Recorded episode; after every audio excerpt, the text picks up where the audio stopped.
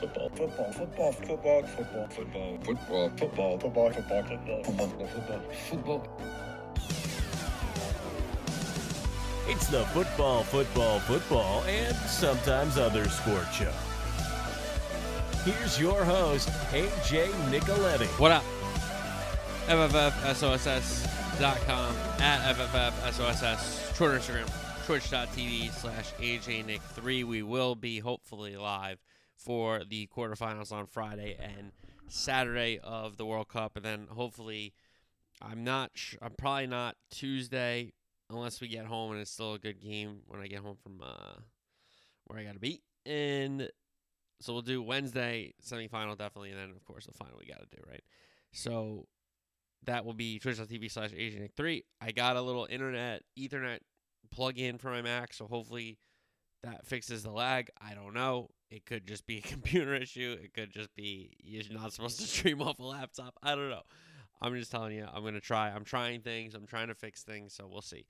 Uh, Twitch.tv slash Agent 3. Okay, so that will be for the quarterfinals. We'll preview those in this pod, but first we got to do the last two matches on the round of 16 Morocco, Spain, and Portugal, Switzerland. Then we'll go into our quarterfinal preview. Follow that with an NFL Week 14 preview, a little Army Navy talk because I love that game. It's it means a lot, um, and a little bit of college basketball before we get to Sarai Pull locks and pick six. Not how, not sure how long this one's gonna be, but nevertheless.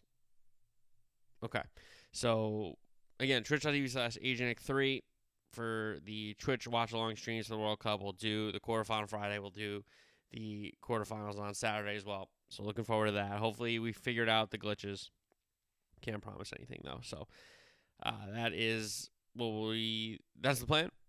Okay. So on this pod we will wrap up the round of 16. Look ahead to the quarterfinals of the FIFA World Cup in Qatar. Then an NFL Week 14 preview, Army Navy preview, college basketball, Sorry Pulocks, and pick six at the end of the program. All right, round of 16.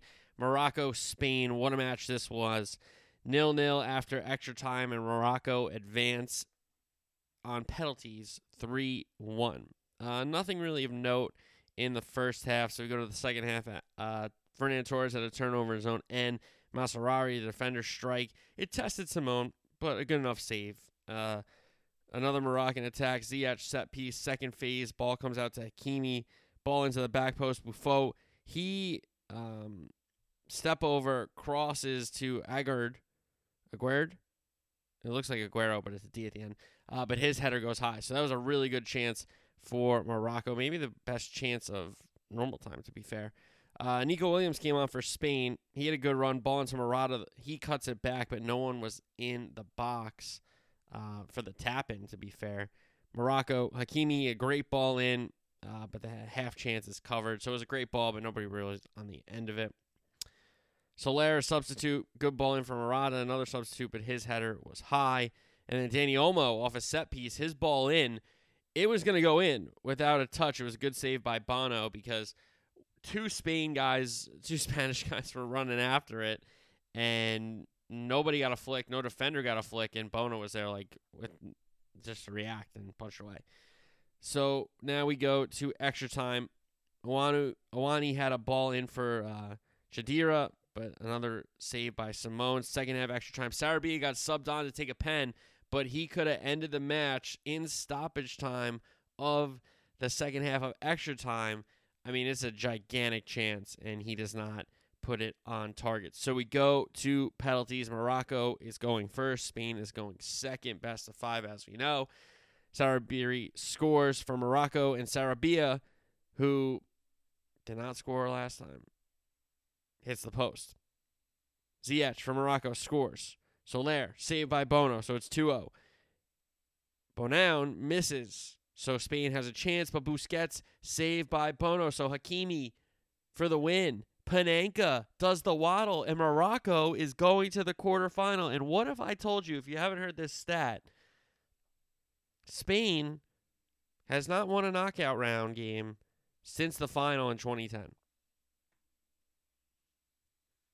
Think about that. La Roja, the team that went Euro, World Cup, Euro. Euro, World Cup, Euro. Has not won a knockout round game since the final in 2010. So that's the Spanish story. Uh, Luis Enrique not getting the job done with Spain. A lot of people talking about his contract um, with the Spanish national team. But how about Morocco? They've had some outstanding showings with their fans. They've had some big, big performances and clutch moments. Um, the captain was like, "Hey, like this is for all the Moroccans, all the Muslims, all the Arabs, all the Africa, the continent of Africa." It was pretty cool. That was pretty cool to hear, man. Um, so Morocco into the quarterfinal. That's only the second time I believe out of 11 now that an African team has beaten a European team in the knockout round. I'm pretty sure that's the stat, if I'm not mistaken.